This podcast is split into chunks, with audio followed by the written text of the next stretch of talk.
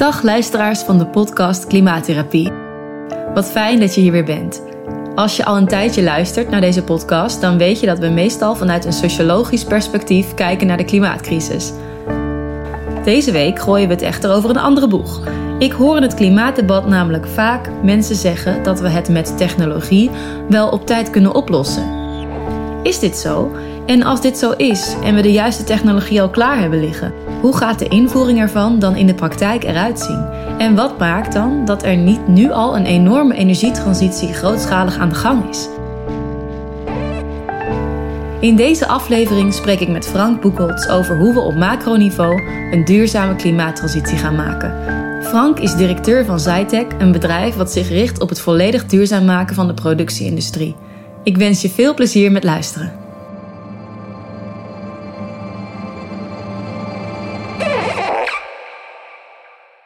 Hartstikke leuk dat je bij mij in de podcast wil, uh, wil zijn en wil praten over hoe we op macroniveau die klimaattransitie kunnen gaan doormaken en waar jij tegenaan loopt.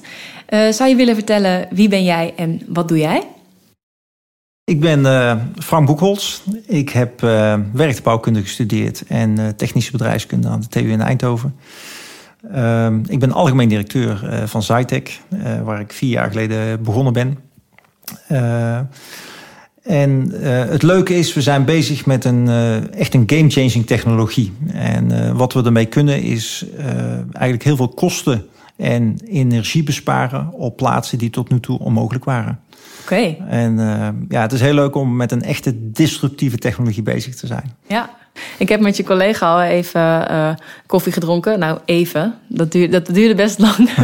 Want hij heeft me uitgelegd uh, wat jullie doen en hoe jullie technologie werkt. En daar moet natuurlijk geen reclame worden voor Cytec, hè, deze aflevering specifiek. Maar jullie zijn wel een bedrijf die dus zeg maar, zich helemaal richt op dat duurzaam maken van, van de productionele industrie. Van de, eigenlijk de hele productieindustrie. Hè? We hebben dus omdat jullie een bedrijf zijn wat hier zo mee bezig is, neem ik jullie graag als voorbeeld om dan dat te laten zien van uh, hoe, hoe gaan we dat doen? Hoe gaan we die klimaattransitie in, op energieniveau ja. zeg maar, maken? Ja. Dus daarom ben ik heel blij dat jij dat je hier wil zijn. Um, zou je aan de luisteraars willen uitleggen wat Cytec dan doet? En wat jullie denken te kunnen veranderen? Ik zal even uitleggen wat we doen. Uh, het gaat om, uh, uh, wij maken een contactloze magneetkoppeling. Uh, en die gebruik je in uh, ronddraaiende apparatuur. Uh, en rotating equipment noemen we dat. En dan praat je over pompen, ventilatoren, generatoren, compressoren. Um, allerlei zaken die ronddraaien. En die staan overal. Mm -hmm. um, en als we nu kijken naar de impact, dan is 75% of 65% van al het elektriciteitsverbruik wat in de industrie is afkomstig van die elektrische ronddraaiende apparaten. Dus dat is een heel groot deel komt daar vandaan. Van al het energieverbruik? Uh... Van de elektriciteitsverbruik. Elektriciteitsverbruik oh. Oh, ja. van de industrie. Dus ja. 65% daarvan komt van die ronddraaiende apparaten. Oh ja, dat is een heel groot aandeel. Heel groot aandeel. Ja. ja. Um, nou is 20% van die wereldwijde vraag van elektrische energie... die komt van pompsystemen. En bij sommige bedrijven, waar heel veel rondgepompt wordt... is het zelfs 25 tot 50%. Ja. Uh, nou is van al die pompen, 75% van al die pompen, die zijn eigenlijk per definitie 20%, minimaal 20% te groot. Mm -hmm. Dus, en dat komt omdat je als techneut natuurlijk nooit wil dat je een te kleine pomp installeert. Ja. Dus we hebben allerlei veiligheidsfactoren die we erop zetten, of we houden rekening met uitbreiding op de toekomst. Dus er staat eigenlijk een te grote pomp. En dan komt er te veel water uit, of te veel, hè, net wat er verpompt wordt. Ja. Nou, en wat er nu, de te technologische oplossing die daarvoor is om te zorgen dat je dan toch kunt regelen dat je voldoende uh, water eruit krijgt wat je nodig hebt, uh, is eigenlijk hetzelfde als je met een tuinslang doet, door hem gewoon dicht te knijpen. Ja, dus, je... dus hij gaat eigenlijk te hard, de motor draait te hard, het, ja, het gaat te hard, hard, levert te veel, vraagt water, te veel energie. Water, te veel water levert hij. Mm -hmm, ja. Mm -hmm. En hij verbruikt maximaal energie.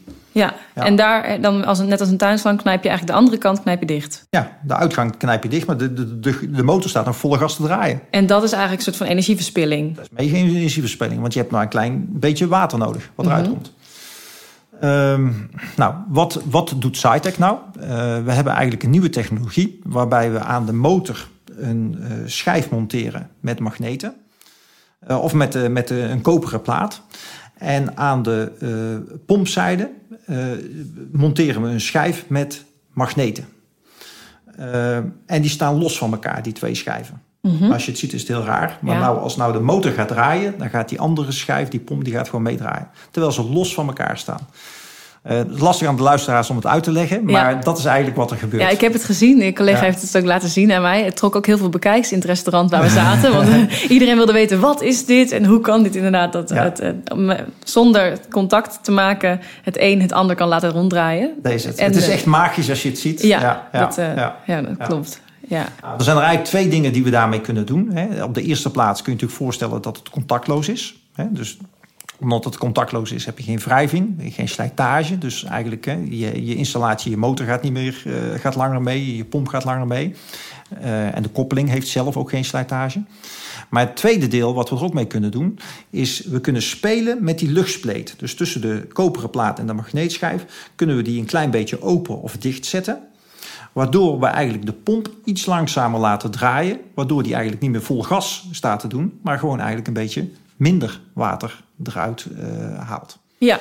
Nou, en op die manier besparen we heel veel energie. Oké, dus jullie hebben, oké, dus jullie hebben, laten we zeggen, jullie hebben die technologische oplossing om heel veel energie te besparen. Hebben jullie, is er gewoon. Ja. Um, hoe gaat het nou verder in zijn, in zijn werk? Ik bedoel, we willen eigenlijk, hè, is er een. Um, zijn we het met elkaar eens dat we heel snel moeten gaan verduurzamen. We hebben vandaag, zelfs op het moment dat we het opnemen, het klimaatakkoord, de Urgenda-zaak is gewonnen. We moeten zo snel mogelijk CO2 eh, gaan, eh, de uitstoot gaan verminderen. Eh, hoe gaan we dit nou, of waar lopen jullie tegenaan? Waarom is dit nog niet volledig uitgerold op groot, groot vlak? Nou, zijn, op de eerste plaats is het natuurlijk een hele jonge technologie. Mm hij is alleen al wel bewezen. Hè? Dus we doen het nu dagdagelijks. Ik zal een voorbeeld geven. We hebben bij uh, Tata Steel hebben we uh, vier van deze koppelingen geplaatst bij de koudbandwalserij. En bij de koudbandwalserij maken ze van heel dik staal met walsen. Dunnen ze dat, maken ze heel dun staal en daar krijg je plaatstaal mee voor je auto. Uh, en als je dat doet, dan uh, moet je dat koelen met, uh, met koelvloeistof. Nou, en die wordt rondgepompt. Nou, van die, op die pompen hebben wij vier van die koppelingen geplaatst. Op dag 1 één koppeling, op de tweede dag drie koppelingen. En daarmee hebben wij 340 huishoudens energie bespaard. En 600 ton CO2. 600 ton? 600 ton CO2. Okay. En de terugverdientijd van dat project was anderhalf jaar. Eigenlijk het mooie is als je kijkt naar uh, terugverdientijd. Hè, dat klinkt heel mooi. En uh, je hebt een terugverdientijd van de meeste projecten die wij doen. Die hebben een terugverdientijd van minder dan twee jaar. Soms drie jaar, maar heel vaak heel kort. Uh, alleen in de praktijk is het heel anders. Ik zal je een mooi voorbeeld geven. Als je nu kijkt, wat zou jij zeggen? Wil je een terugverdientijd die heel kort is of heel lang? kort. Goed. Nou, de tweede vraag die je krijgt. Oké, wat wil je dan? Een hoge investering of een lage investering? Een lage investering? Ja. Nou, dit is eigenlijk heel vreemd. Oké. Okay. Tell me why. Als jij, dat betekent eigenlijk, je hebt een terugverdientijd van een jaar. Nou, mm -hmm. dan wil jij een investering van 10 euro. Ja. Nou, dat betekent dat jij dus uh, daarna besparing hebt van 10 euro. Dus ik zou veel liever hebben dat ik een jaar terugverdientijd heb en zeg 100.000 euro aan investering. Want dan heb ik eenmalig 100.000 euro, het eerste jaar. Maar daarna verdien ik elk jaar opnieuw 100.000 euro. Maar is dan het, uh, eigenlijk het bedrag wat je erin stopt ook altijd wat je eraan gaat terugverdienen? Want je kan misschien wel nog meer besparen. Of... Dat kan, dan is de terugverdientijd korter. Dan is de terugverdientijd korter. korter ja. Oh, zo werkt het. Dan, dan, dan is het. Het is de besparing, of de investering die door de besparing. Okay. Dat is de terugverdientijd. Oh ja, ja, ja. ja. ja. Oké. Okay.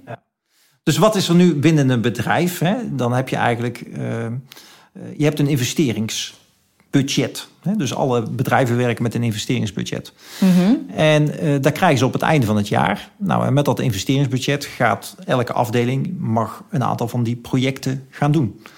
En dat is heel raar, hè? want dat betekent eigenlijk dat iedereen, ook al heb je een goed idee, op het moment als het investeringsbudget op is, mm -hmm. dan worden die projecten niet meer gedaan. Dus stel, dan kom je aan met een heel mooi project, maar het investeringsbudgetje is op, ja, dan wordt het niet gedaan. Ja. En dan stopt het. Ja.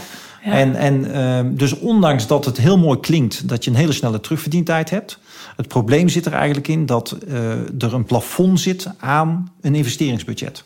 Ja. Ik snap het. Ja, Ja. dat, en dat, dat is eigenlijk waar jullie tegenaan lopen. Nou, dat is één. Hè, dus dat, het eerste stukje. En wij, wij noemen dat eigenlijk het kijken op total cost of ownership. Hè. Wij kijken eigenlijk naar de totale kosten en opbrengsten die je krijgt over 20 jaar. Uh, en wij kijken niet alleen naar het investeringsbedrag. Hè, want dat is bij ons niet relevant. Wij willen echt kijken wat levert het nou op over 20 jaar. Het tweede stukje wat we, wat we zien is dat uh, dat is een gebrek aan kennis en capaciteit bij de bedrijven. Hè, waar we over praten is uh, technologie, is vaak diepgaande technologie. En er zijn vaak heel weinig, hè, het is ook nieuwe technologie, dus de meeste mensen kennen het niet. Dus we moeten het aan iedereen vertellen. Maar er zijn ook heel weinig mensen binnen de bedrijven nog die die kennis hebben. Ja. En waar we het aan moeten vertellen. Dus dat is ook een heel lastig uh, traject. En uh, er zijn overal heel veel engineers zijn er weg. Hè. Er is een gebrek aan techneuten. Ja. Dus er is ook weinig om dit soort projecten eigenlijk uh, ja, überhaupt op te nemen. Dus uh, ja, dat, dat is zeker een ding wat we in de industrie ziet. Men heeft geen tijd om dit eigenlijk te doen. Nee. Um, en het derde stukje wat we zien is een, um, eigenlijk een focus op uh, energiebesparing is niet groot binnen de bedrijven. Ze hebben het heel druk. Hè? Dus als je vraagt eigenlijk binnen een bedrijf waar ze echt mee bezig zijn, ja, dan zeggen ze vaak als eerste ja, de betrouwbaarheid, hè? de productie moet draaien. En dat is ook logisch. Als je daar werkt, is dat ook het allerbelangrijkste. Ja. Nou, en daar zijn ze eigenlijk heel druk mee bezig. Ja. Dus wat je ziet eigenlijk is dat de, de incentives om bepaalde nieuwe innovaties binnen te brengen, eigenlijk het systeem is fout. Alle dingen staan net fout. Dat is eigenlijk heel raar. Dus eigenlijk wat, wat nodig is een systeemverandering... waarin ja. er eigenlijk onbeperkt uh, uh, mogelijkheid is tot investeren. Tot slimme projecten. Je moet, je moet op, op, op het moment als een project gewoon goed is... Hè, dan, kan, dan zou... Hè, ik, ik, werkte vroeger bij een bedrijf, daar, daar hadden ze echt een cash-filosofie. Hè, daar, daar, ging het wel op cash. Daar zeiden ze altijd, voor elk goed idee is geld. Als oh, je dat doet, ja. dat is briljant. Want er zijn heel weinig bedrijven die zo sturen. Ja. De, de, de, meeste bedrijven sturen zo niet. En is dat dan ook zo omdat bedrijven denken: ja, uh, hallo, is het mijn verantwoordelijkheid om uh, de wereld duurzaam te maken? Um, dat is iets wat de overheid moet doen. Is dat ook iets wat, uh, wat, wat de gedachte Eigen, is? Eigenlijk niet? niet. Het is heel raar, want ik vind het ook soms heel jammer wat er eigenlijk in de discussie en in de media gebeurt. Alle mensen met wie wij praten, die willen. Mm -hmm, ja. Alleen ze zitten beperkt met het systeem waar ze in zitten. Als je bij een inkoper komt, dat is heel, heel grappig... dan heeft die man die heeft een inkoopsbudget. Dus Ja. hij wil zo goedkoop mogelijk inkopen. Hij kijkt niet naar total cost of ownership voor de komende 20 jaar. Terwijl die, uiteindelijk gaat het om cash. Daar zou je naar moeten kijken. Ja. Nou, en dat is, dat is eigenlijk een van de dingen. Dus je ziet op allerlei niveaus in een bedrijf... staan eigenlijk, zeg maar, wat je zou willen om te versnellen... die werken eigenlijk allemaal vertragend. Ja, Ja. ja precies. Ja. Maar toen ik eh, me verd- verdiepte in het onderwerp energietransitie, eh, hoorde ik dat ehm, toen we in Nederland afgingen van het stadsgas, dit eh, bruinkool en steenkolen, elektriciteitsopwekking, naar dus naar aardolie, dat toen de eh, overheid voor echt miljarden heeft, heeft geïnvesteerd en heel eh, infrastructuur heeft aangelegd. En dat is eigenlijk zij dat, dat die kosten op zich namen. Ja, En dat is nu niet, aan, de- niet echt aan de hand, zeg maar, toch? Nu is het gewoon... Iedereen wijst naar elkaar, naar hoe moeten we dit gaan betalen. Dat- dat is- de vraag op dit moment is heel erg... wie gaat het betalen? ja, Ik heb het idee dat iedereen naar elkaar wijst. ja. Ja.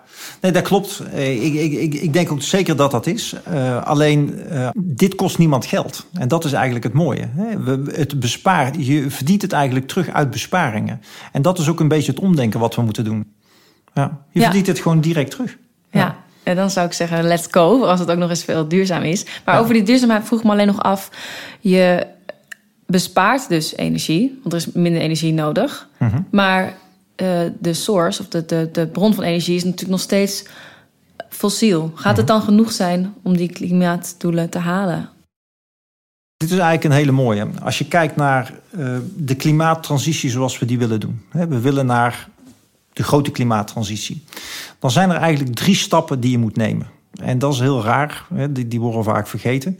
Maar eigenlijk de eerste stap die je moet doen... is gewoon heel eenvoudig geen energie gebruiken. Dat is de eerste stap. Ja, maar dat, kan, heel maar dat kan niet, toch? Ja, dat kan, dat kan zeker. Dat Oh, kan ja? heel zeker. Ja, dat zijn hele kleine dingen die je kunt doen. Het is zelfs thuis. Hè. Ik, ik, ik zeg altijd, hè, als je een groot huis hebt, eh, doe de deur dicht. Hè, en ga in de kamer zitten, verwarm alleen die ruimte. Uh, mm Gebruik een tochtstrip. Hè? Dan, dan gaat het, als je de tochtstrip in je huis doet, dan gaat de ruimte, de warmte gaat niet naar buiten toe. Maar dat zijn kleine dingetjes. Hè? Ja, dat, Dat, dat is natuurlijk wel zo. Alleen uh, zelfs als iedereen zo energiezuinig mogelijk voor zichzelf gaat leven, mhm. schijnt dat nog niet genoeg te zijn om die CO2-uitstoot terug te brengen. Ja, ook daar, ik, ik, ik, ik snap wat je bedoelt. Hè. Ik snap ook de, de, de studies. Alleen het heeft ook te maken met hoe dat jij bepaalde dingen doet of hoe bepaalde dingen wilt. Uh, ik, ik, geef je gelijk dat het niet totaal is, hè, want uiteindelijk wij hebben energie nodig om te kunnen leven, om ons ding te kunnen doen. Mhm. Maar uh, de eerste stap, en daar begint het eigenlijk mee, is gewoon geen energie gebruiken. Heb je dan toch nog energie nodig? Gebruik dan duurzame energie, duurzaam opgewekte energie. Ja. Dat is te maken met een uh, windmolen of een zonnepaneel. En de laatste stap is, stel nou dat het niet lukt in die tijd. Hè, we hebben haast, maar stel het lukt niet. Dan mogen we fossiele brandstof gebruiken. Dan moet je veel fossiele brandstof gebruiken. Mm Maar doe dat dan met een kolencentrale niet van 45% maar bijvoorbeeld met eentje van 75% Hoe bedoel je? Nou, dus dat, dat het rendement van, van uh, een kolencentrale, hè, die stopt er kolen in, en, uh, en heel veel kolen, maar je krijgt er maar 45% elektriciteit uit. Mm -hmm. Nou, maar er zijn ook kolencentrales, dan stop je kolen in en dan komt 75% elektriciteit uit. Die zijn veel efficiënter. Aha. Nou, dan zou ik zeggen, ik kies diegene van 75% in plaats van een ouderwetse. Ja. Dus dan pak je eentje met nieuwe technologie. Ja. He, Dus eigenlijk een nieuwe technologie kolencentrale. Ja. Nou, dat zijn eigenlijk de drie volgordes van, van wat we moeten doen. Um, en als je nu kijkt naar waar een hele hoop energie mee ingaat, waar, van alle plannen die we doen, zijn we heel bezig. En dat is een soort. Um, ja, iedereen denkt dat dat de oplossing is. Als we maar duurzame energie opwekken, dan zijn we klaar. Hè? Stel, we mhm. hebben windmolens. Hey, dan kunnen we gewoon lekker doorleven zoals het is. Dan maakt het dan niet meer uit. Als we, dan mogen we zoveel elektriciteit verbruiken als het is. Het is ook CO2-neutraal. En dat, dat is heel raar. Want dat betekent eigenlijk dat als we nu... Stel, we gaan die kant op. Dan hebben we direct Nederland. Heel de kust is helemaal vol met windmolens. Mm Maar eigenlijk, als we slim waren geweest... en we hadden gewoon gezorgd dat we minder energie hadden gebruikt op plekken die helemaal niet nodig waren, die overbodig waren, had de helft van die windmolens had weggekund. Ja, dus jij zegt gewoon we moeten precies zoveel energie gebruiken als we nodig hebben. Als je echt primair nodig hebt. En, en daar kan veel meer op gefocust worden qua technologie. Qua, hetzelfde als, als, als wat ik vertel met die pomp. Het is toch raar dat een pomp vol gas staat te draaien met de, met, de, met de rem erop. Zo rijden we toch ook geen auto. Nou, als daar technologie voor mogelijk is om dat niet te doen, moet je dat als eerste doen. Ja. Nou, ik wil op de eerste stap nog één ding terugzeggen. En er zijn eigenlijk twee dingen belangrijk. Eén, je moet geen energie verbruiken. En het tweede, en dat vind ik ook echt heel belangrijk... je moet iets maken wat heel lang meegaat. En dat is ook heel raar. Dat doen we ook niet. We leven in een wegmaatschappij. Je moet eigenlijk dingen maken die niet kapot gaan. Wij maken een koppeling die meer dan twintig jaar meegaat. En die eigenlijk niet kapot gaat. Dat is eigenlijk wat je moet doen. En dus jullie zijn jongens die, dat, die met een goed hart op een goede plek... maar er zijn natuurlijk heel veel mensen die geld willen verdienen. En die Philips heeft toch expres een lamp uh, ontwikkeld dat hij na een jaar kapot gaat? Exact. Nou, je pakt het voorbeeld eigenlijk wat ik, wat ik bijna wilde zeggen. Gewoon geweldig. Iedereen kent het verhaal. Ja. En ik denk dat we, als wij zeggen, we hebben een gevoel dat het gaat verkeerd. Hè? Wat, wat, wat, wat we met z'n, of in ieder geval ik denk een aantal mensen wel zeker zien wat er gebeurt. Ik, ik, ik heb vaak het gevoel, hè, en dat, dat, is een beetje wat er is. Hè. We hebben Nederland, er staat een hele grote dijk omheen. En er zit ergens gewoon een gat in. En daar loopt gewoon echt water uit. Ik heb het gevoel dat ik natte voeten krijg. Mhm. Snap je? Alleen iedereen zou dat beeld moeten hebben.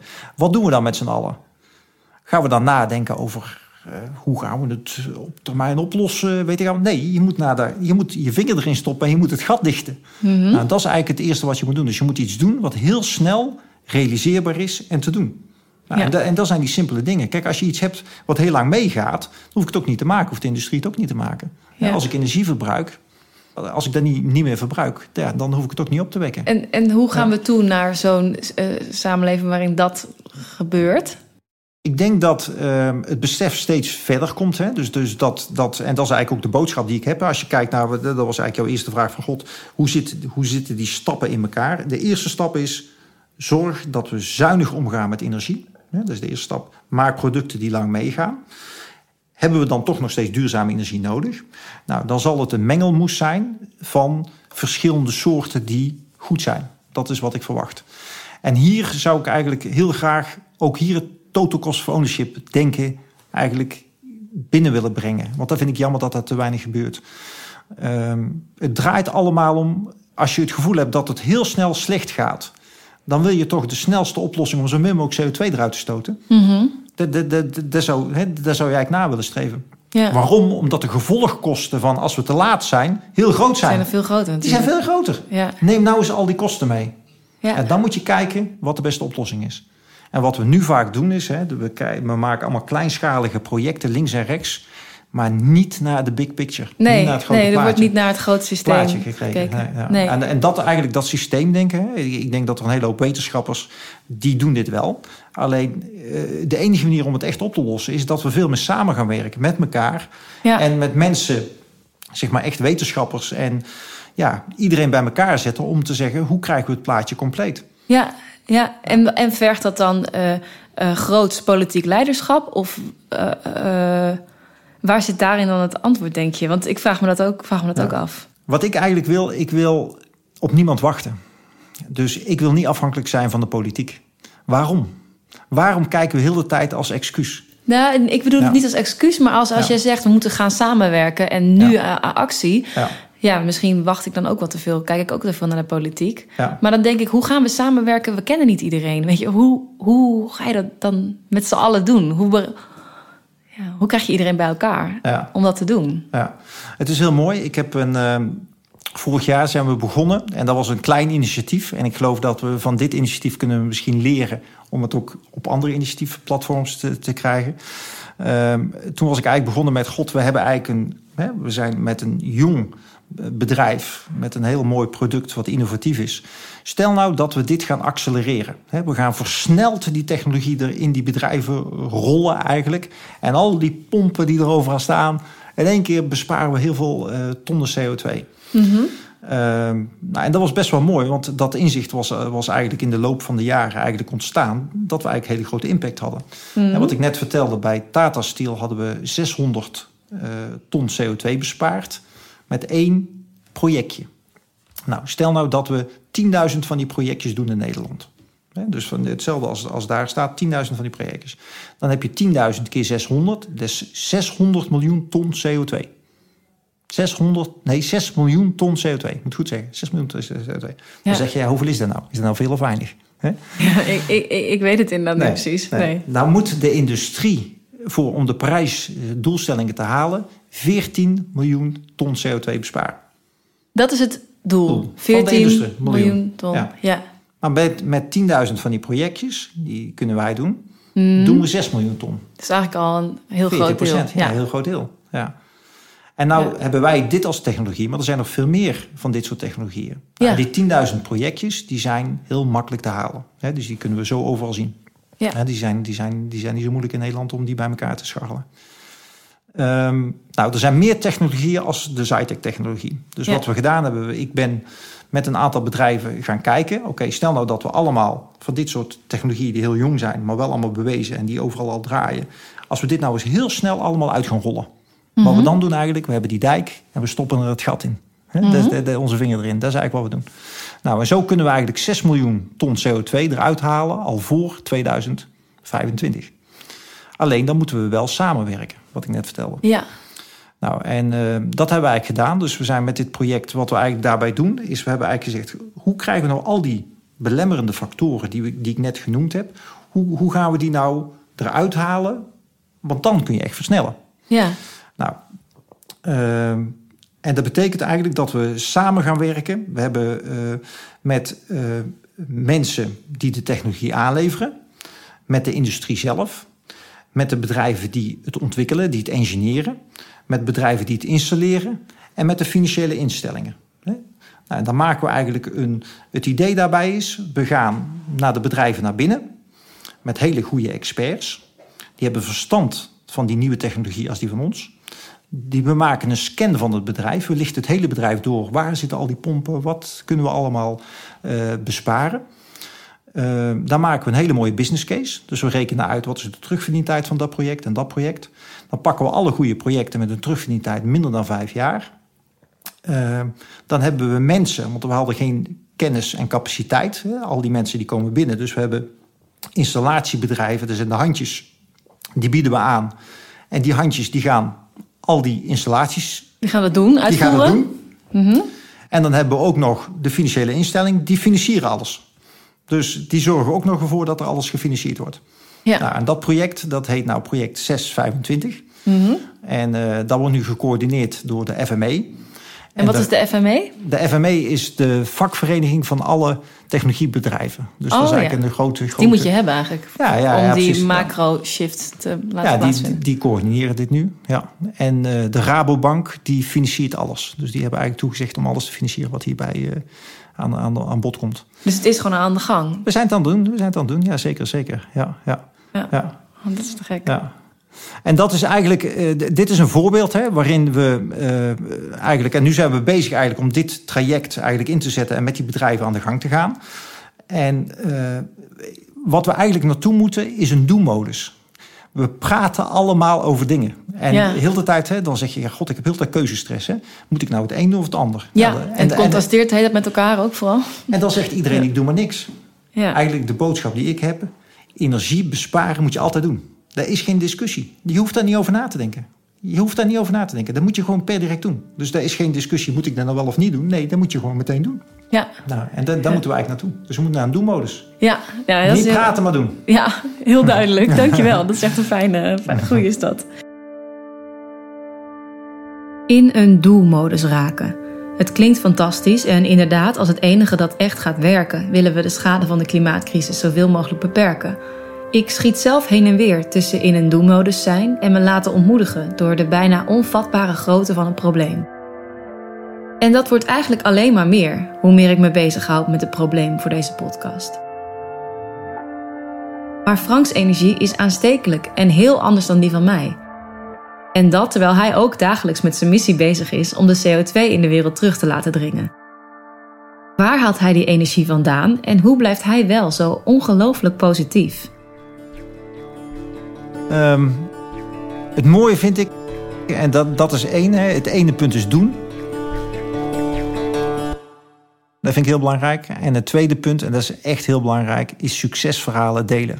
Ik geloof absoluut dat als je het ene succesverhaal vertelt, dat iemand geïnspireerd wordt om het ook zelf te gaan doen. En ziet, hé, hey, het kan wel. Dus niet wachten, hé, hey, het kan gewoon. Nou, dat is eigenlijk wat we dagdagelijks doen. Ja. Um, dat is eigenlijk hetzelfde wat ik ook probeer uh, gewoon thuis wat, uh, ik heb een gezin met, met, met drie dochters. En uh, het betekent ook vaak over dingen praten. En op het moment dat je iets doet, daar op een goede manier naar kijken. En ik geloof dat iedereen daar zijn steentje aan bij kan dragen. Ja. En het zijn, zijn vaak kleine dingen. Uh, we doen het ook binnen het bedrijf. En ik, we pakken allerlei kleine dingen. Het is gewoon erover nadenken en je hebt een idee als je creatief wordt. elk bedrijf heeft visitekaartjes. Mhm. en, maar ja, dat is papier. Je geeft het één keer en je hebt er eigenlijk niks aan. Nou, wat wij hebben gedaan, dat is, dat is een website, kun je gewoon naartoe. Je kunt een QR-code aanmaken van je visitekaartje. Ja. Nou, dat doe je binnen twee minuten. Nou, dat zit nou tegenwoordig op onze telefoon. En dat betekent, daar hou je aan iemand voor. Die scant hem. Je hebt meteen alle data. Geen papier. Nou, en het is efficiënt, het is leuk, het is makkelijk.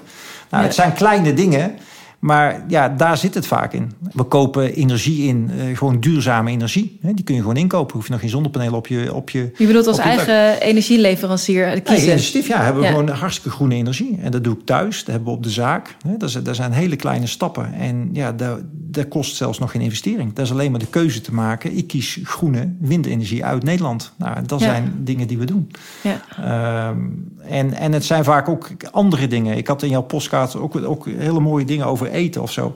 En, en hè, jij gaf ook aan, god, moet je nou zo wel vlees eten of niet? Of niet zo vaak? Mhm. Ja, op het moment als... Wij doen het thuis ook en ik eet heel vaak geen vlees. Hè. Wij hebben heel vaak een vegetarische dag. Alleen, het is voor mij geen belemmering. Ik vind het super lekker. Als ik pasta met pesto eet dan zie ik dat niet als een opoffering. Je moet het niet zien als een opoffering. Dat vind ik zo jammer. Alle mensen zeggen dan dat is minder. Het is niet minder. Ja, het is niet minder. Het is geen minder. Het is leuk. Ja, dat, is, dat is leuk inderdaad. Vanaf die film van Al Gore met uh, ja. Convenient Truth hebben we echt zo'n consensus van inleveren soort van gekregen, gekregen met, met elkaar. En ook vandaag uh, is dat uh, net dat nieuws van dat de Urgenda die zaak gewonnen heeft en dat we klimaatbeleid echt moeten, dat, dat de, de doelen gehaald moeten worden. Alle reacties daaronder waren echt dat Nederland gek geworden was en dat we wie moet dat betalen, wat moeten we allemaal inleveren, inleveren. Terwijl ik denk, jij moet je voorstellen als we straks overal schone lucht kunnen inademen wat voor, hoe fantastisch dat zal zijn. Ja. En uh, ja, er er ook gewoon superveel voordelen aan zitten. En dat je er, dus wat jullie zeggen, dat je er zoveel op kunnen, kan besparen ook. Dat je, ja, dat het eigenlijk geld oplevert. Ja. Dat het heel positief is ook. Ja. We moeten echt anders denken. Hè? En ik denk dat technologie. Er is zoveel mogelijk. Hè? En stel dat je dingen hebt die gewoon geen energie meer nodig hebben. Mhm. Snap je? Dus, dus gewoon helemaal anders denken. Hè? We kunnen een huis bouwen direct zonder verwarming. Uh, oh ja, is het zo? Hoe dan? Hoe dan? Nee, de, de, de, ik ben in het verleden. Ik, ik, het, het, is omdenken. Het is heel anders dan. Bijvoorbeeld, het is mogelijk dat je stenen maakt. Dus de, overdag schijnt de zon. Nou, die schijnen op de stenen.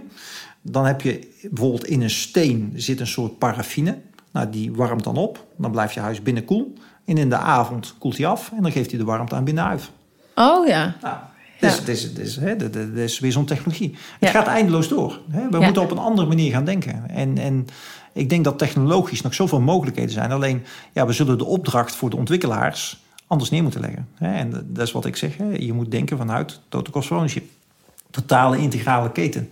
Ja. Ja, en, en, en, en daar komen ook weer nieuwe ideeën uit. Ja, Ja. dus denk in mogelijkheden en Ja. het systeem aanpassen. Ja. Kun je voor de luisteraars nog één keer uitleggen wat total cost of ownership precies is? Ja. Total cost of ownership is eigenlijk al het geld wat je uitgeeft gedurende de levensduur van een product. Alles. Dus als ik iets, je koopt een auto, dan moet je hem aanschaffen. Dat is je eerste uitgave. Maar daarna moet je er benzine in gooien. Daarna moet je onderhoud. Dus elke euro die je uitgeeft aan dat, in die, al die 20 jaar, die tel je bij elkaar op. Ja, snap Ja, het. en dat is eigenlijk het belangrijkste. En het enige wat telt eigenlijk, hè, je doet het stel, thuis bij je privé, doe je het altijd.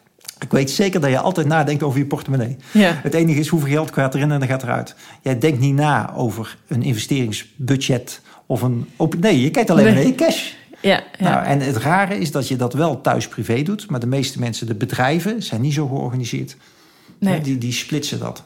En, Ja. dat en, en dat moet eigenlijk veranderen. ja.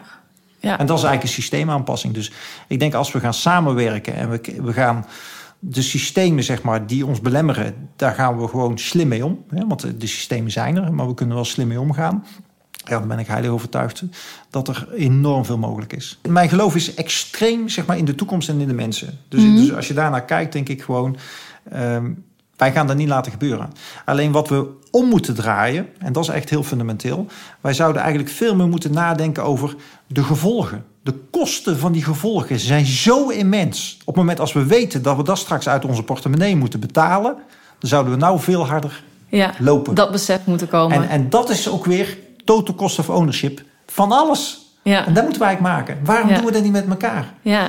Maar dat, We- het is allemaal uitgerekend, hè? Wetenschappers hebben het gedaan. Maar- en alle rapporten liggen in een la. En die worden niet belezen. Nee, want er zijn natuurlijk ook Ja. die crazy clowns, die, eh, zoals Ja. Trump, die dan hele andere dingen verko- verkondigen natuurlijk. Ja. Eh, ja, die hebben, die, zoveel mensen luisteren ook naar die mensen. Dat stemt mij soms wanhopig. Heb jij dat, maar jij bent gelukkig positief.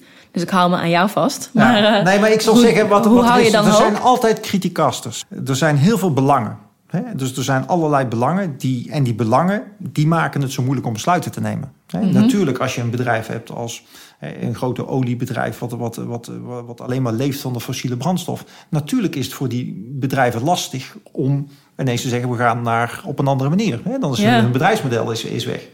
Alleen, stel dat, dat zij verantwoordelijk worden voor de gevolgsschade van het totaal. ja, dan wordt een ander verhaal natuurlijk. En dat wordt ineens hun prioriteit.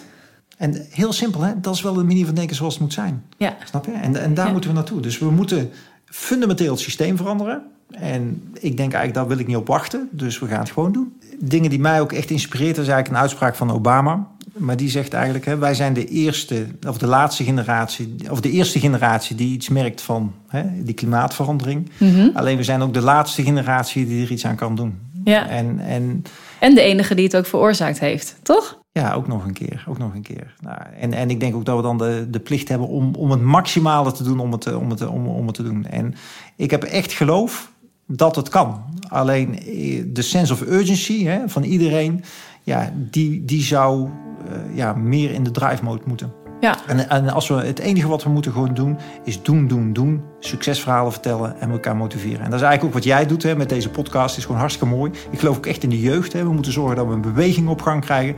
Dat we het gewoon gaan doen. Ik heb veel liever... Nou praten we over verhalen van... God, hè, wat belemmert het? het is, ik, ik heb veel liever dat ik... Vorige week had ik een project... Dat vond ik hartstikke leuk. Dat hebben we gedaan eh, bij, bij een bedrijf in uh, een groot bedrijventerrein. Daar hebben we vier koppelingen ge, eh, geplaatst. En daar hebben we 128 huishoudens energie bespaard. 224 ja. ton CO2. Dat is geweldig. Fantastisch, binnen twee dagen. Ja. Nou, het kan. Het kan gewoon. Het kan. Ja. Laten we doen. Ja, ja super fijn. Nou, daar wil ik heel graag de podcast mee afsluiten. Dus heel erg bedankt dat je hier wilde komen spreken. Graag gedaan. En, uh... Jij uh, ook bedankt. Ik vond het erg leuk. Oké, okay, fijn. Leuk, dankjewel.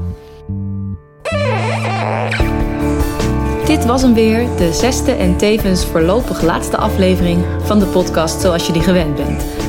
Ik ga er zeker nog wel meer maken, maar niet meer zo regelmatig of in deze vorm. Ik behoud namelijk geen enkele journalistieke afstand tot het onderwerp en door continu op de hoogte te willen blijven van de klimaatproblematiek en alles zelf te doen, van redactie, voorbereiding, techniek, het interviewen, het editen, het verspreiden, neem ik de zwaarte van het onderwerp elke dag opnieuw mijn dagelijks leven in. En ik heb ook gewoon nog een baan. Hij blijft of regelmatig komen, maar dan uh, ga ik een soort samenwerking aan of ik upload een aflevering als ik een verhaal tegenkom wat echt verteld moet worden. En geen zorgen, want ik weet er nog wel een paar. Dus vergeet je niet te abonneren en tot de volgende aflevering.